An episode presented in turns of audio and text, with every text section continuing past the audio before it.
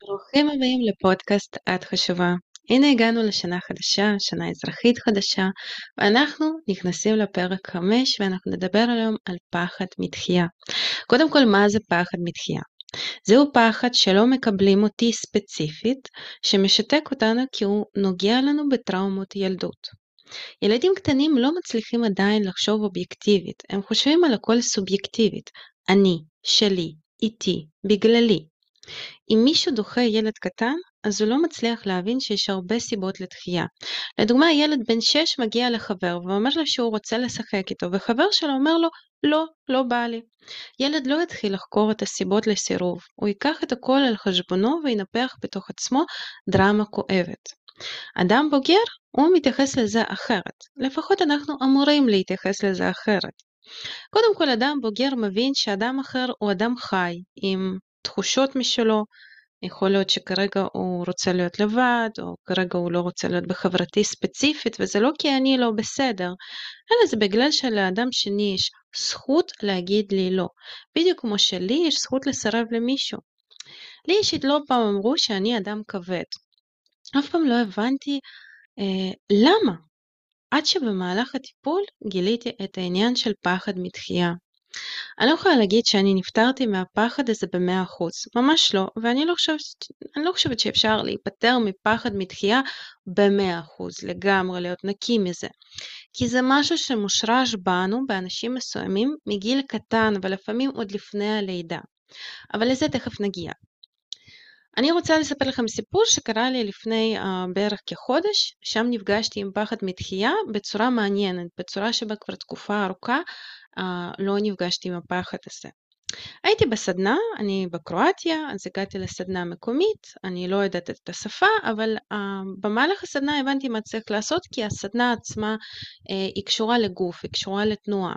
וגם האנשים שהייתי איתם באינטראקציה, הם ממש uh, שמחו לעזור לי ותרגמו לי הכל לאנגלית. בסוף הסדנה, איש אחד אסף את כולם במעגל כדי לשיר אום ממש כזה שכולם יהיו במעגל, הרבה אנשים, ובוויברציה רצינית נשאיר אום. אני בשלב הזה עמדתי כבר בחוץ, ממש ליד הדלת, והתבוננתי עליהם כאילו אני לא שייכת לתהליך, למרות שאני חלק מהסדנה. אבל בצורה לא מודעת אני הרחקתי את עצמי, אני ממש אמרתי, בואי נצא החוצה, את כבר לא שייכת לשם. איש שאסף את המעגל, הוא ביקש ממני להצטרף וגם לשיר איתם אום. אני אמרתי לו שלא, והכל בסדר, כאילו חייכתי, אמרתי לא, לא, לא, תודה. הוא ביקש שוב, ורק בפעם השלישית אני הסכמתי. באותו רגע, כשישבתי שם בישיבה מזרחית, וכולם שרים אום, בראש שלי אני מבינה שהשתלט עליי פחד לא מודע, פחד להיכנס לחבורת אנשים, פחד מתחייה, ומה שעשיתי זה בעצם דחיתי את עצמי כדי שמישהו אחר לא ידחה אותי. הייתי צריכה שהוא יזמין אותי כמה וכמה פעמים כדי שאני ארגיש שבאמת רוצים אותי. ביטוי עיקרי של פחד מתחייה זו הימנעות. הימנעות מלהכיר אנשים חדשים, הימנעות מלהיכנס לזוגיות, הימנעות מלהראות רגשות לאדם אחר. כי יש סיכוי שידחו אותך, יש סיכוי שלא יתחשבו בך, יש סיכוי שיכאיבו לך. צורך הכי גדול של אנשים עם פחד מתחייה זה להיות בטוח במאה אחוז שרוצים אותו. זה ערבונות, ביטחונות, איזושהי ודאות. בדיוק כמו בסיפור שסיפרתי לכם, האדם הזה היה צריך לבקש ממני כמה וכמה פעמים כדי שאני אצטרף למעגל, אז אותו דבר קורה לנו בזוגיות. אנחנו מפחדים ליזום, לשלוח הודעות ראשונים, לדבר על רגשות, אנחנו מחכים שצד השני יעשה את זה, שצד השני ייתן אור ירוק לרגשות שלנו, שהוא יוביל, שהוא יעשה הכל, אנחנו כאילו, אני לא חלק מהתהליך הזה, אין לי פה איזה שהם אה, זכויות, אני פה הולך אחריך. כמובן שכל זה פוזיציה של ילד, אנחנו פועלים מתוך טראומות מהעבר ולא מתוך כאן ועכשיו. פחד מתחייה משתק אותנו, לא רק בזוגיות, אלא גם בעבודה, בביטוי עצמי בעולם החיצון. אנחנו מפחדים להגיד דברים שאנחנו חושבים. אנחנו מפחדים להגיש קורות חיים לעבודה שמושכת אותנו. אנחנו מפחדים לפרסם את עצמנו, ללכת לחוגים, לחבורות חדשות. לאדם עם פחד מתחייה יש הרבה פוקוס על מה קורה מסביבי ולא מה קורה בתוכי. לכן הוא כל הזמן שואף לשלמות. אנשים כאלה סובלים מפרפקציוניזם. כמובן שמשם גם מגיע סינדרום מתחזה. זה כשאני מורידה ערך מהכישורים שלי, והתחושה שכל מה שהשגתי זה מזל, זה קרה במקרה, זה לא משהו באמת סופר משמעותי שהשגתי בעזרת עצמי. לאן מביא אותנו פחד מתחייה? קודם כל לריצוי. רצון להיות נוחים לאחרים, כדי שהם יעריכו את הנוחות שלנו וירצו להיות בחברתנו. אבל המציאות היא שונה. אנשים נוחים הופכים להיות uh, אנשי צל. הם לא באמת נוחים, אין להם uh, נפח ומשקל, הם לא באמת uh, נוכחים בעולם הזה. Uh, לרוב אלה אנשים שעונים תשובות כמו לא אכפת לי לאן לצאת, אני זורמת על הכל, הכל בסדר. זה אנשים שבאמת לא מרגישים שהם נוכחים כאן בעולם הזה, באדמה, עם אותם זכויות כמו אנשים אחרים. אנחנו מעריכים אנשים שיש להם אופי, אה, שיש להם משקל, שיש להם נוכחות. אישיות אוהבת אישיות. אין אדם מפורסם, אדם גדול או מצליח שמנסה לרצות את כולם או להיות נוח. עכשיו במשפט הקודם אני אמרתי לכם שאנשי צל הם בעצם לא באמת נוחים. למה? כי בדרך כלל אנשים כאלה הם אה, בתפקיד הקורבן. והם דורשים הרבה מהצד השני. בדוגמה שהבאתי לכם אפילו על זוגיות, כשאם את לא מצליחה להיות נוכחת כל הזמן בזוגיות 50-50 אה, בעמדה שווה עם הבן זוג, אז מה שיקרה שאת כל הזמן תעשי או מניפולציות או רגשות אשם על הבן זוג, והוא ירגיש הרבה יותר אחריות וזה לא תמיד נוח. אני בעצמי ניסיתי להיות נוחה עם גברים שיצאתי איתם, להיות נעימה, להיות בריאה פיזית ונפשית, מכילה, מעניינת, קלילה. מה קרה בפועל? בן זוג שלי לא הבין עם מי הוא יוצא, אם אין לי רצונות אינדיבידואליים, אם אני מוכנה להתגמש ולקבל כל דבר, אז הוא לא הרגיש שהוא בקשר עם אדם חי. אנשים לא מתאהבים בפלוסים שלנו, אנשים מתאהבים במינוסים שלנו. כי זו הייחודיות שלנו, זה מה שעושה אותנו מיוחדים. וזה בסדר שאנחנו נסרב לאחרים, וזה בסדר שמישהו יסרב לנו. אני מאוד אוהבת את המשפט, אני לא דולר כדי שכולם יאהבו אותי. וזה באמת ככה. אנחנו יכולים להיות טריגר עבור אנשים אחרים. להזכיר להם משהו מהעבר, או פשוט להגיע לחייהם בזמן uh, שזה לא מתאים להם. אם אין לנו פחד מתחייה, אז נקבל את זה כבסדר. Uh, אם יש לנו פחד מתחייה, אז זה יכול לכאוב ברמה שלפעמים מסכנת את החיים של האדם. אדם שפוחד מתחייה בצורה לא מודעת, יחפש אנשים שיאשרו לו את הפחד הזה. הוא יתנהג בצורה שבה הוא ירגיש דחוי. יש אנשים שבכוונה מציגים את עצמם כרעים או גרועים, הרבה יותר ממה שהם באמת, כדי לבדוק את האדם האחר. האם הוא יקבל אותי כשאני כזה?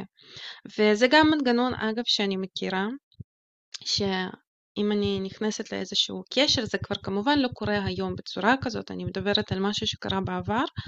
אם הייתי נכנסת לקשר והיינו עוברים את השלב הזה של אני נוחה ואני חמודה ואני רואה שבן אדם לא דוחה אותי, ואז אני מתחילה להראות את כל הצדדים האפלים שקיימים או לא קיימים בי, כדי להגיד הנה, בוא, בוא, בוא נראה אם אתה לא תנטוש אותי ככה, במצב הזה.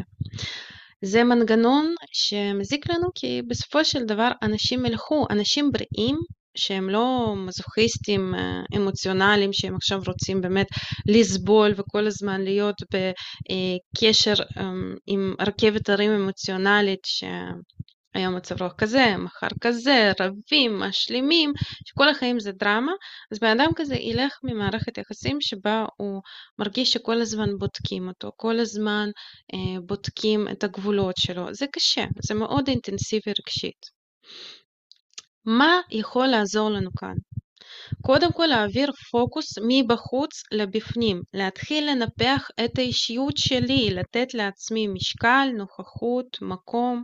אגב, בדרך כלל אנשים פחד מתחייה, יש להם אה, באמת עניינים עם עודף משקל, כן? יש להם משקל פיזי, אבל הם לא מרגישים עדיין מספיק נוכחות בעולם הזה. אם אני מפסיקה להיות אדם צל ומתחילה לקבל נפח ומשקל, אז אני כן מתחילה להיות לא נוחה לאנשים אחרים. אמ, אני אתן לכם כאן מטאפורה. אדם שעומד על המדרכה ויש צל על הקיר, אז הצל הזאת אמ, לא כל כך מפריעה לו. לפעמים צל גם יכולה להפריע, נגיד אם הוא רוצה להצטלם או משהו כזה, אבל בתכלס צל לא מפריע למעבר. אבל אם אדם עכשיו אה, עומד על המדרכה ומתכוון לעבור, ועומד שם בן אדם עם משקל, עם נוכחות, זה מפריע. צריך לעקוף אותו, צריך אה, ללכת קצת אה, שמאלה, קצת ימינה, הוא לא נוח, אבל יש לו משקל ונוכחות. אנחנו צריכים להכיר את עצמנו, לקבל החלטות, למלא את עצמנו באהבה, והכי חשוב לעשות עבודה על דרך החשיבה ותפיסה של הדברים. לקחת זמן כדי לנתח סיטואציות מעמדה בוגרת ולא מתוך טראומות שלנו. פחד מתחייה נולד ממחסור בתחושת אהבה. אז אני ממליצה ללמוד איך לגדל בתוכנו אהבה, דרך נתינה, אמ, דרך נתינה בעבודה, בהתנדבויות, דרך אומנות, דרך אהבה כלפי עצמנו, כלפי הגוף שלנו, כלפי הנפש, טיפוח, קשר עם המשפחה. אבל הכי חשוב זה לבדוק איזה סיפור אנחנו מספרים לעצמנו ביום יום, כי uh, הכל מתחיל ונגמר בחשיבה ובתפיסת העולם שלנו. כשאני אישיות, כשיש לי נוכחות, כשיש לי טעמים, העדפות, אז יהיו אנשים שירצו להיות בקרבתי ויקבלו אותי כמו שאני, כי זה קשר אמיתי עם אדם חי. ואם אני עכשיו אה, אדם צל, אם אני נעלמת, אם אני מתגמשת כל הזמן, אז אין גם הערכה כלפי האישות והנוכחות שלי. אנחנו בדרך כלל חושבים שהנה אני אהיה יותר נוחה ואז האדם השני יעריך, יגיד וואו איזה בחורה נגיד מהממת היא ואיזה כיף איתה ואין איתה דרמות וריבים, אבל בסופו של דבר זה משעמם לנו, כי גם אם עכשיו אני אתן לך, לא יודעת, מאכל אהוב עלייך, סושי, וכל הזמן זה רק סושי, בסופו של דבר אימץ גם מאכל הכי מיוחד שיש. קשר שבו את שוברת את עצמך לטובת אדם אחר כדי שיהיה לו נוח, זה לא קשר אמיתי, זה מצב שבו את משרתת את הטראומות שלך. אז תבדקו איפה פוגש אתכם פחד מתחייה? האם יש בסביבה שלכם עם פ... הבן אדם עם פחד מתחייה? במידה וכן, תזכרו שאתם לא צריכים לשרת את הטראומות שלו, כי כל פעם שאתם uh, מנסים לרצות את האדם הזה, אתם בעצם מחזקים את הטראומה שלו. זה כמו, uh, כמו סם, כמו כל תלות אחרת. אז תזכרו, אני זו אני, אדם אחר זה אדם אחר. לכל אחד יש גבולות משלו, לכל אחד יש אחריות אישית. אנחנו לא מדברים עכשיו על ילדים, אנחנו מדברים על אנשים 18 פלוס.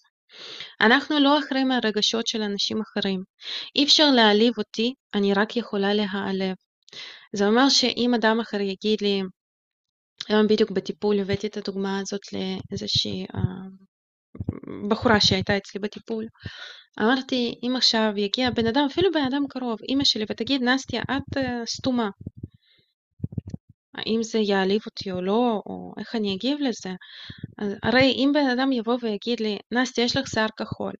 אני יודעת שאין לי שיער כחול, אז אני אסתכל על הבן אדם הזה, וכאילו, זה אוויר, סתם אמרת דברים. אז אותו דבר עם נסטיה את סתומה. זה, זה שבן אדם אחר אומר את זה, זה לא אומר שזו אמת. אני יודעת מי אני ומה אני. אז uh, לא צריך לפחד להיכנס לחברות חדשות.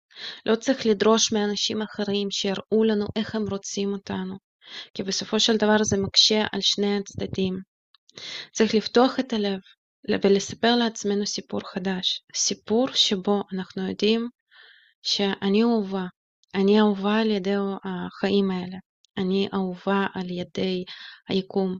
הורים שלי נתנו לי את כל האהבה שהייתה להם, לא היה להם יותר. יכול להיות שזה לא הספיק לנו, אבל כל מה שהיה להם, כל מה שהם מסוגלים אליו, הם נתנו. אז צריך להעריך את זה, צריך להגיד תודה רבה על זה. ואת שאר האהבה אני אגדל בעצמי. אני יהפוך לאהבה. ואז אנחנו לא נפחד מתחייה. כי זה בסדר שמישהו יגיד כרגע לא, ויתעסק במשהו אחר, וזה בסדר שמישהו אחר uh, ייפרד מאיתנו, למרות שזה כואב, וזה בסדר שזה יכאב. וזה בסדר שיהיו כמה דייטים ואחר כך בחור לא יחזור, זה בסדר שלא יקבלו אותי לעבודה מסוימת. זה בסדר להתבאס וזה בסדר שזה יכאב, אבל לא צריך להפוך את זה לסבל מתמשך ולסיפור ותסריט חוזר. כי מקום שאני אמורה להיות בו, יגיד לי כן. אדם שאני אמורה להיות איתו, יגיד לי כן. אבל הלב שלי צריך להיות פתוח, ואם אני יושבת ורק מצפה לתחייה, אז שום דבר בריא מהסיפור הזה לא יצא, ואני אקבל את התחייה שאני מצפה לה. אני מאחלת לכם, אצלנו עכשיו סוף שבוע, אז uh, מאחלת לכם סוף שבוע נפלא, ואני אסכם את הפודקאסט הזה כרגיל במשפט. אני חושבת שילווה אותנו תמיד. את חשובה.